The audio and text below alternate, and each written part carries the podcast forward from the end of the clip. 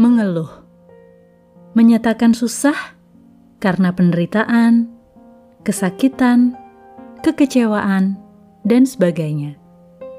Hal yang lumrah jika seseorang mengeluh karena beratnya beban yang dialaminya, agar tidak menjadi stres dan mengganggu kesehatan.